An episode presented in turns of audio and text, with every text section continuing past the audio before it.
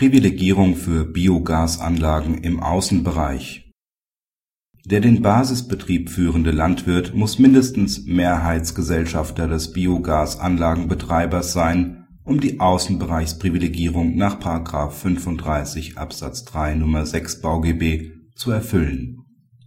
Das VG Stade hatte über den Bauantrag für eine Biomasseanlage im Außenbereich zu entscheiden an deren Betriebsgesellschaft ein Landwirt Mehrheitsgesellschafter ist.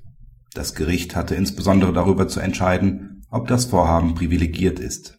Während die Kommentare bisher eine Identität von Inhaber also Eigentümer des landwirtschaftlichen Basisbetriebs und des Betreibers der Biogasanlage als wesentlichen Anhaltspunkt für die dienende Funktion der Biomasseanlage zu dem Basisbetrieb verlangen setzt die Nutzung im Rahmen eines Basisbetriebs nach Ansicht des VG Stade keine vollständige Personalidentität voraus.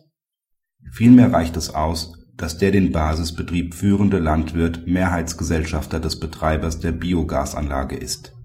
Es ist daher nicht zu beanstanden, wenn die Biogasanlage von einer juristischen Person betrieben wird, die nicht identisch mit dem Eigentümer des landwirtschaftlichen Betriebs ist der Inhaber des Basisbetriebs muss aber mindestens maßgeblichen Einfluss auf die Betriebsgesellschaft der Biogasanlage haben.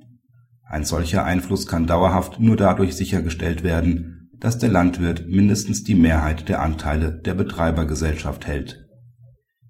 Praxishinweis Als Umgehung bewertet die Rechtsprechung insbesondere eine Überkreuzbeteiligung des Biogasanlagenbetreibers und des landwirtschaftlichen Basisbetriebs weil dies der gesetzlichen Intention der Förderung der Landwirtschaft zuwiderlaufe.